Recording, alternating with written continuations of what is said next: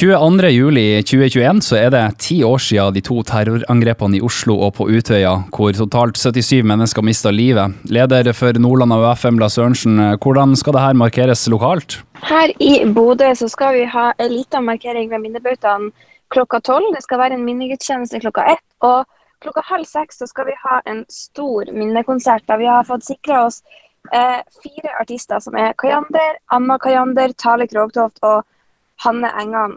Og Den konserten den skal vi ha, for vi, for vi husker i tida etter 22.07.2011 så var det minnekonserter rundt om i landet, også i Bodø. Og Det skapte et helt unikt samhold, og det samholdet har vi så utrolig lyst til å gjenskape i år. Du sa litt om eh, lokale musikalske bidrag. Er det andre ting som skjer under denne minnekonserten? Det er det. Det kommer til å være taler fra bl.a.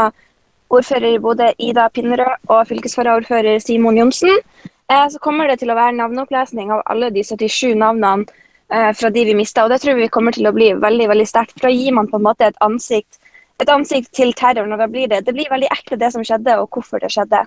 Fortell litt om det samholdet som var under eh, rosetogene landet rundt i 2011. Er det meninga at man prøver å gjenskape dette, eller? Absolutt, for vi så jo at da kom folk Folk kom sammen i hele samfunnet, uavhengig av partipolitisk ståsted, uavhengig av alder, hvor man kommer fra, hvem man elsker, hva man tror på. Alle, alle sto, sammen, sto sammen mot hatet, stå sammen i kjærligheten. og Det er liksom det vi vil få til nå. Så Vi oppfordrer jo alle til å møte opp på, det, møte opp på Rådhusplassen i Bodø på minnekonsert, uavhengig av hvem du er.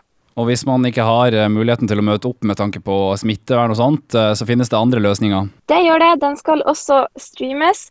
Fordi at det her blir en fylkesmarkering for hele Nordland. Så uansett om du sitter i Bodø eller en helt annen plass, så skal det være mulig å få med seg hva som skjer.